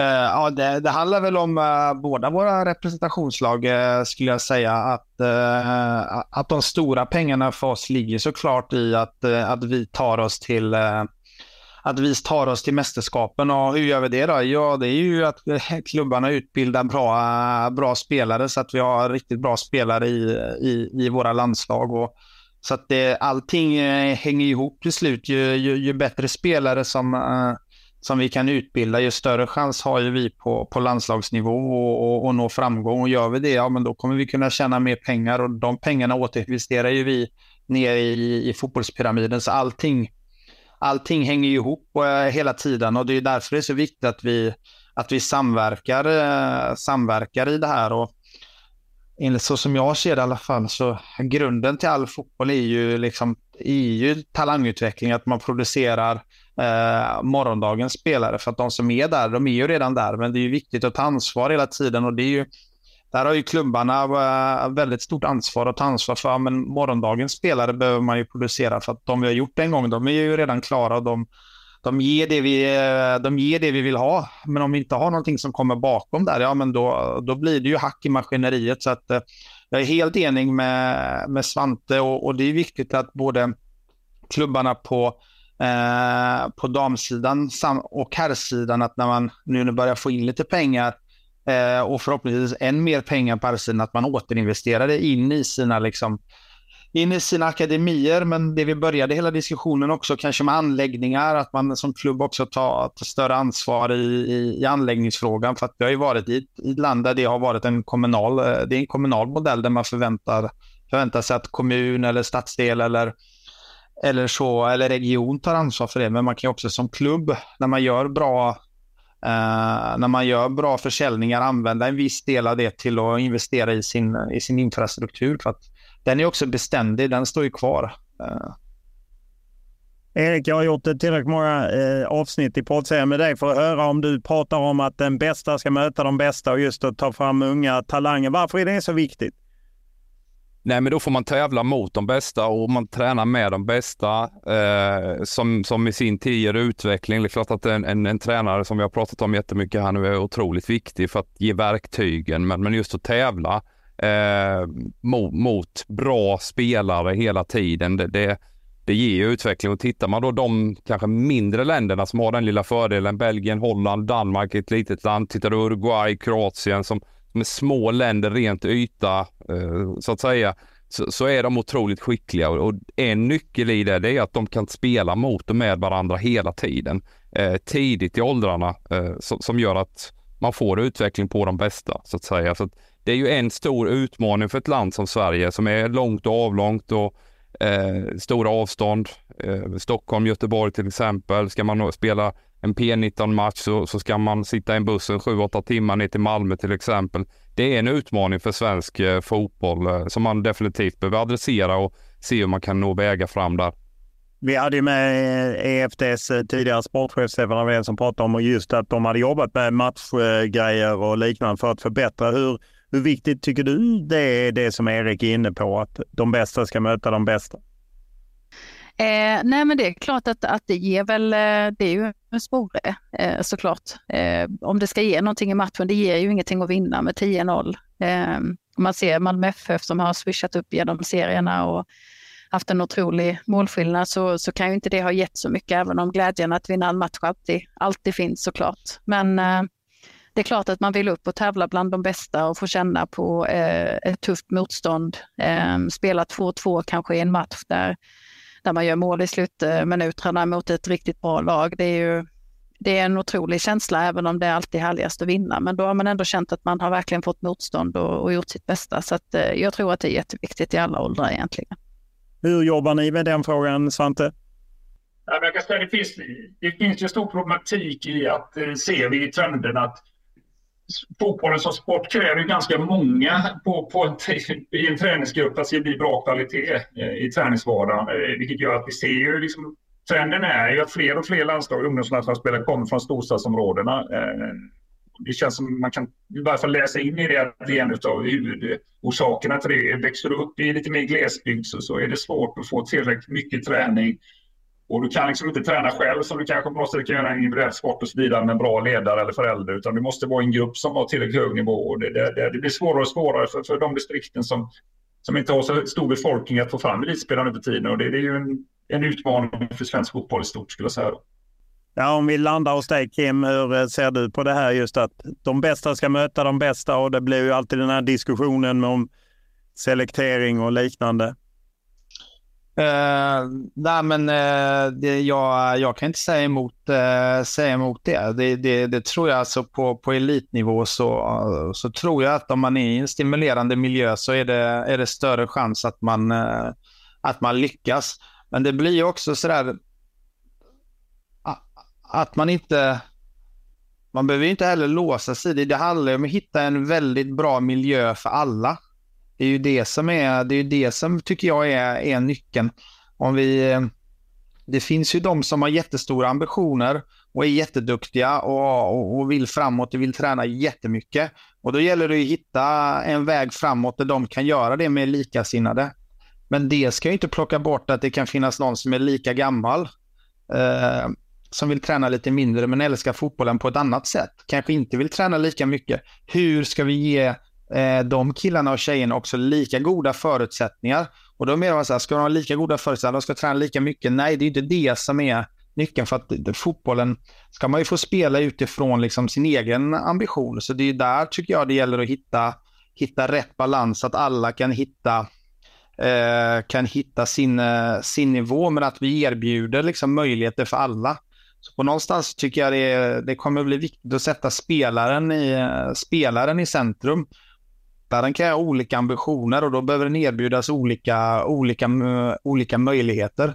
Och det är väl också någonting som man kan se och ha en, en en spelarutbildning i världsklass. Det, det, är väl kanske inte att den alltid är den bästa, utan att vi erbjuder någonting, eh, eh, rätt nivå för alla, så att alla kan vara med och spela fotboll. Och då är det, helt plötsligt har vi gift ihop hela bredden och med eliten. Så, alltså, så, ser jag det, någon, eh, så ser jag det och hoppas att vi kan jobba utifrån eh, de tesen. Och sen så är det så att, precis som vi varit inne på, vi har ett vi har ett land som är, är väldigt stort med stora avstånd. Ja, men då kanske vi behöver göra, jag tror att man behöver våga säga också att vi ska göra oli, olika saker på olika platser för förutsättningarna ser olika ut. Vi kan inte säga att vi måste göra exakt lika överallt för att förutsättningarna är annorlunda. Bara vi ser till ja, men, antal planer, utbildade tränare, eh, klimat, eh, historia tror jag också påverkar, eh, påverkar mycket liksom den här fotbollskulturen. Vissa ställen är det kanske kanske inte fotbollen är den dominanta idrotten och sådär. Så att, jag tror att man behöver eh, våga, våga, våga ge varje spelare liksom möjlighet till att, till att utvecklas på, på allra bästa sätt. Så att, eh, och det kommer väl tillbaka lite det Erik började med, att man, de bästa ska spela med de bästa, men det finns ju så många andra som spelar fotboll och då ska de få spela med de som är på samma nivå. Då kommer de tycka det är jättekul också. Och då kommer vi ha fler mindre dropouts tror jag. Svante? Ja, och där har vi liksom en pedagogisk ut, utmaning att, att inte det ska tolkas som någon form av selektering, att, folk, att ungdomar väljs bort. Liksom, utan, utan det finns en tanke med det som är liksom respektfull mot alla. Och det, där, där känner jag att vi från eliten ibland kommer kommer lite eh, fel i debatten. Liksom sådär. För, för det, det, blir snabbt att eh, ordet selektering eh, väljs och med det så, så, så, tänker man att några blir bortvalda. Men det, det är liksom inte nödvändigtvis det som är, som är eh, avsikten med det. Om vi eh, avrundar lite diskussionen med att man, jag tänker Erik kan börja, vad, vad ser du som den största utmaningen och nyckeln till att lyfta svensk fotboll? Den största utmaningen och nyckeln för, för svensk fotboll, det är det vi började med Olof, just anläggningsfrågan där och det gäller både elit och bredd. Eh, Stockholm har sin problematik där BP, ett av Sveriges bästa U19-lag, aldrig har helplan till exempel. Eh, att ge, som Kim är inne på, killar och tjejer som tycker det är kul med fotboll men kanske inte känner att de ska göra det dygnet runt, att man ändå spontant bara kan gå ner på en plan, att inte det är upptaget av, av eh, sex olika lag. Att man bara på ett enkelt sätt kan gå ner och lira fotboll för det är tillgängligt rakt utanför min dörr. Det är det jag tycker är absolut nyckeln för svensk fotboll, att vi ska få fram fler breddspelare och en större topp. Erika, hur ser du på det? Vad är nyckeln för att utveckla svensk fotboll ännu mer? Eh, nej, men jag tror på, ehm, på duktiga ledare som, som kan inspirera och eh, utbilda spelare. Svante, hur ser du på det? Eh, fortsätta skapa ännu bättre utbildningsmiljöer. Eh, fortsätta med de här projekten där, där eliten tar ett ansvar för, för bredden i, i, sin region. Det tror jag väldigt mycket på. Och Kim, du som kan styra det hela som fotbollschef, vad, vad är eh, eh, nyckeln till att eh, utveckla svensk fotboll ännu mer? Uh, jag, tror, uh, jag tror nyckelordet är samverkan. Uh, jag tror att det här är ingen som någon intresseorganisation eller vi som förbund kan göra själv. Utan jag tror att det finns sånt otroligt djup och, och sån otrolig storlek i den svenska fotbollsfamiljen så att det enda vägen framåt är att vi, att vi hjälps åt och att vi har en samverkan och en förståelse för varandras olikheter men också att eh, ledstjärnan ska ändå vara att göra svensk fotboll bättre för, för samtliga. Eh, eh, elit som bredd, killar som tjejer och geografiskt över hela landet. Ja, stort tack för att ni ställde upp och jag måste ändå avsluta Kim, eh, då när det tog lång tid för dig att ansluta. Vi var ju många här i gruppen som trodde att du gjorde klart med en förbundskapten. Hur går det? Ja, nej, det, det, var, det var tekniska problem. Jag önskar att jag kunde säga att det var på grund av det, men det var klassiskt tekniska problem. Där har jag, där har jag lite att jobba på kan jag säga. På eh, både tekniska problem och på förbundskaptensjobbet? Lite så. Ja, stort tack för att eh, ni tog er tid. Jätteschysst. Tackar. Tack ha det bra alla. Tack så mycket. Tack alla.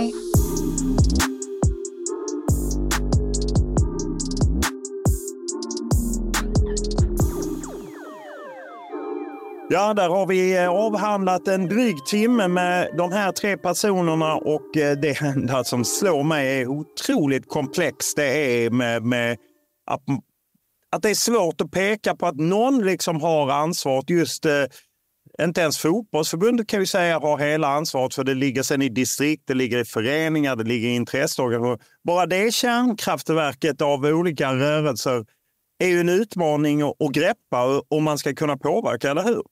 Ja, definitivt. Eh, Kim, Erika och Svante är ju förespråkare för, för mer än bara sina egna åsikter också, med tanke på deras roller. Det är väl viktigt att, att, att eh, tydliggöra också.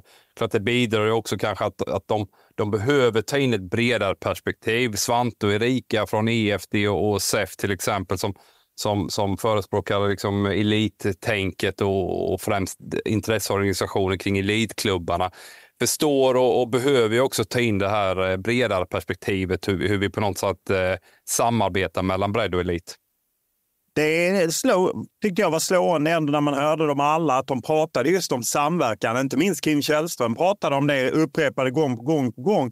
Och det är klart att det, det låter ju bra att man kan samarbeta, men hur lätt är det just avlångt land, många distrikt, föreningar och att man vet ju att plötsligt där är en akademi och de har ett elittänk och där är en breddförening som kör så och där finns ett distrikt som kör på ett annat sätt. Hur, hur lätt är det att få dem att samverka? Ja, det är otroligt svårt. Eh, och just det här att man kommer till slut kommer man ändå till sina egna intressen först, eh, där man vill på något sätt maximera det man själv är involverad i. Och, och tittar man resursfrågan som, som är också är slående, Olof, eh, med alla de gästerna vi har haft, att, att alla behöver mer pengar och egentligen har vi mindre pengar förmodligen nu framöver de närmsta åren.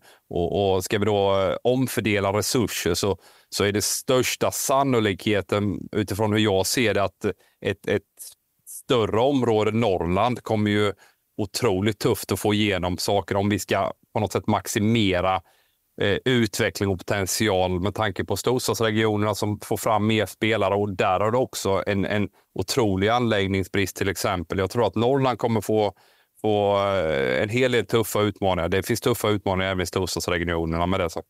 Ja, och vi har ju precis gått igenom en, en eh, vinter som har varit eh, negativ för fotbollen eftersom man ju inte har tillräckligt med hallar. Men just där tillväxten har funnits, om man ser till våra landslag och, och, så, så är det ju storstadsregioner. Inte minst i, i Stockholm där jag sitter, där det ju bara liksom ja, blivit väldigt mycket bättre. Men där just anläggningar och hur frustrerande kan det inte vara för Svante, Rika, Kim att åtminstone Kim som liksom jobbar på bredd eller från förbundets sida att anläggningsfrågan är otroligt svår att påverka och långsam och lite som du, din käpphäst, att vi har lagt mer på att rusta upp Olympia eller matcharenor än vi har skaffat oss planer och träningsanläggningar.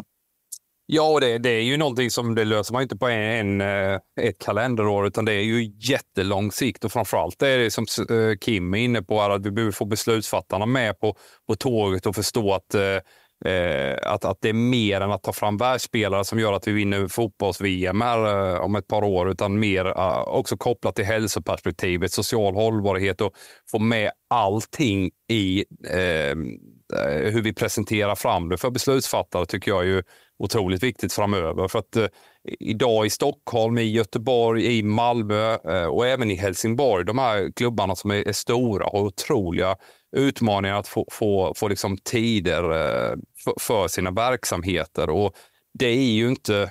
Det, det, det, liksom, vi kan ju plocka in Pep Guardiola, Mourinho och träna lag, men, men du behöver ju liksom kunna maximera eh, utveckling och då är ju grundförutsättningen att ha en hel fotbollsplan att arbeta med så att säga. Alla de här pratar ju också om eh, att värna bredden på elit, alltså att, att de ska få ihop det, och som ju du också pratar om att få ihop det. Men hur, för mig låter det som eh, olja och vatten emellanåt. Att, eh, att visst, bredden behöver eliten för att man ska drömma för någonting, men samtidigt behöver vi en, en bredd för att eliten ska finnas, för annars blir det för smalt. Men det låter nästan omöjligt, för om vi går till, till serien i avsnitt fyra, eh, där vi hör liksom Peter Kisfalodi på ena sidan och Ulf Karlsson för Göteborgs fotbollsförbund på andra sidan, att det är ju de står väldigt långt ifrån varandra.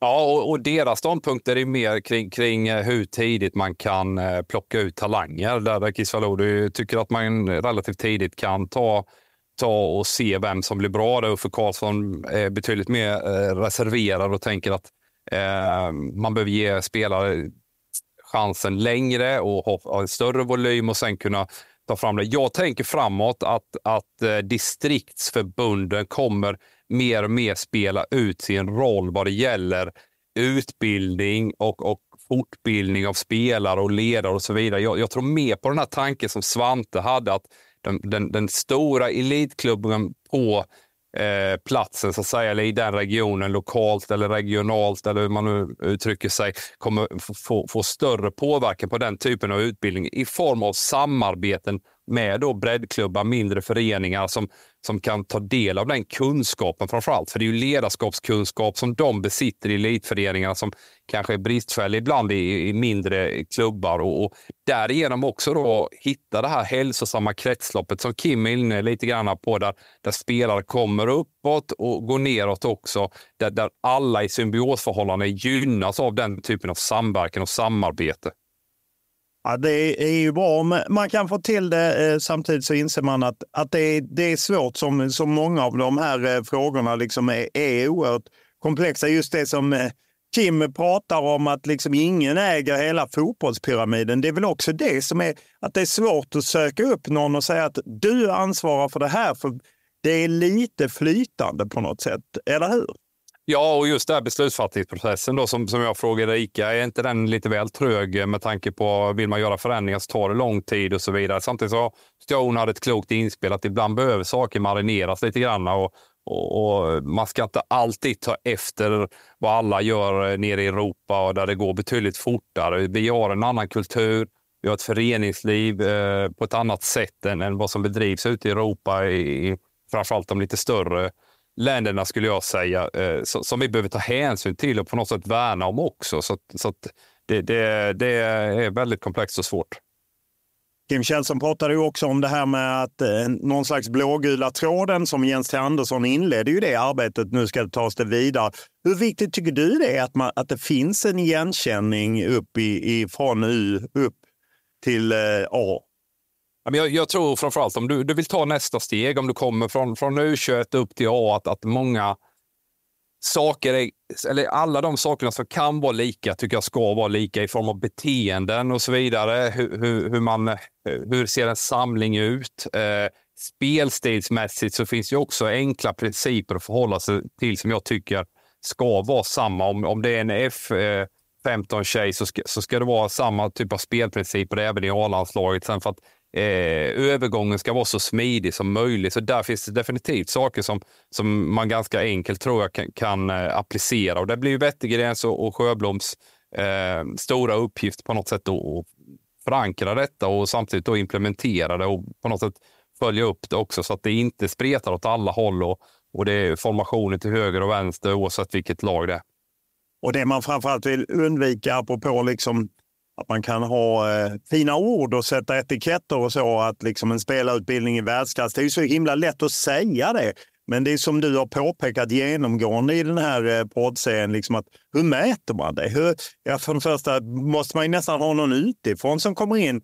Det var någon av våra gäster just nu, kommer jag inte ihåg exakt vem det var som sa, men man behöver ju ha någon som kommer utifrån och säger att ni har en spelarutbildning i världsklass. Att plötsligt att folk börjar åka till Sverige för kolla, svenska landslaget både på herr och dam är topp och spelar spelar bra fotboll.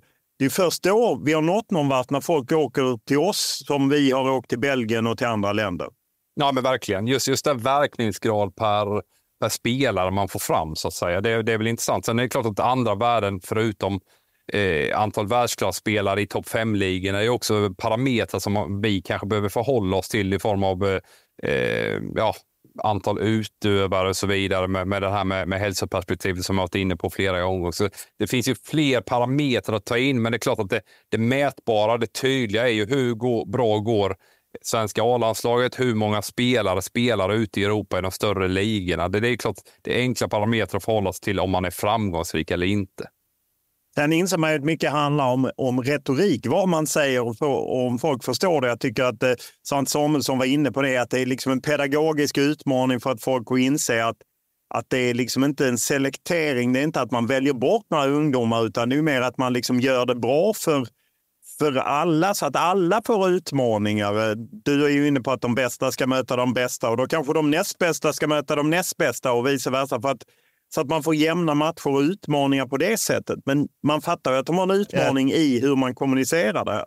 Ja, definitivt. Det, det tycker jag ju återigen då den här isländska modellen med åldersöverskridande grupper är en intressant lösning. Vi, vi i Sverige är otroligt fasta i, i, i födelsedatum eller födelseår och, och så kör man det från man är 6, 5, 6 år upp till man är 15 om man säger till, tills det börjar liksom splittras upp lite grann. Det tycker jag skulle vara ett intressant grepp framöver, att inte låsa sig vid födelsedatum utan kanske ta en, en större grupp på två, tre åldersgrupper, foga den samman och sen nivåindela utifrån det och att man på något sätt luckrar upp den här eh, normen att, att eh, ja, vi vet ju själva det här med, med fysisk eh, ålder och, och, kronologisk ålder. Att du, du, och jag kan vara födda samma datum, eh, samma år och det kan skilja fyra år mellan, mellan motorisk utveckling. Mental utveckling har ju också ett begrepp som, som man behöver väga in i det här också. Så det tycker jag är ett intressant eh, spår att följa upp och göra någon typ av utredning och undersökning om. Ja, eh, och det är ju något vi också, om eh, vi har fastnat på resurser och anläggning, så är det också det här med forskning, vetenskap. Jag tycker psykologen Eh, Eh, Magnus Lindvall som var med i avsnitt 15 eh, var väldigt intressant där han liksom påpekar dels vad vi vet forskningsmässigt och vad man kan titta på mer. Att det faktiskt ändå finns saker vi vet evidensbaserat att det här gäller, det här är viktigt. Det, det tycker jag. Det finns många områden att eh, kolla på. Jag kan inte utesluta att eh, vi kommer tillbaka, men nu har vi gjort vad vi kan och känner du lite mer hopp över att min upplevelse var att Kim Källström och Sant Samuelsson och Erika, de alla var öppna för mer diskussion, att de tror att diskussionerna vi pratar om det här är en väg framåt. Ja, men det tror jag och det, det kände man med alla tre här som var otroligt eh, glada att ställa upp och vara med och, diskutera. Och, och framförallt också alla de gästerna vi haft tidigare här, Olof, som, som har bidragit med, med väldigt mycket kunskap och, och idéer och att det brinner, många brinner för svensk fotboll. Det är ju någonting som är otroligt eh, tydligt här efter den här serien. Ja, eh, många som brinner och många som eh, eh har tankar och hur man ska gå tillväga. Sen får vi ha respekt för att eh, dels är komplext, dels är det saker som inte fotbollen styr likt anläggningar, utan där får man jobba med eh, sina kommuner. Där kan man lära sig i, i avsnitt eh, eh, tre eller fyra med Andrea Möllerberg. Hur man skaffar sig en anläggning, en eh, hall som hon ordnade till Bollstanäs och andra föreningar i Väsby. Eh, som sagt, har ni, kommer ni in i serien. I detta avsnittet så finns det 15 avsnitt tidigare. Eh, Blågul framtid, eh, krisen i svensk fotboll som vi har fördjupat oss i. Och, eh, det är bara att höra av er till er om ni har synpunkter, tankar. Eh, Olof.lund.tv4.se. Både jag och Erik finns ju på sociala medier så att, eh, det är bara att eh, eh, hugga in i debatten och eh, vara med. Eller hur? Yes. Stort tack eh, för eh, att ni har lyssnat så här långt.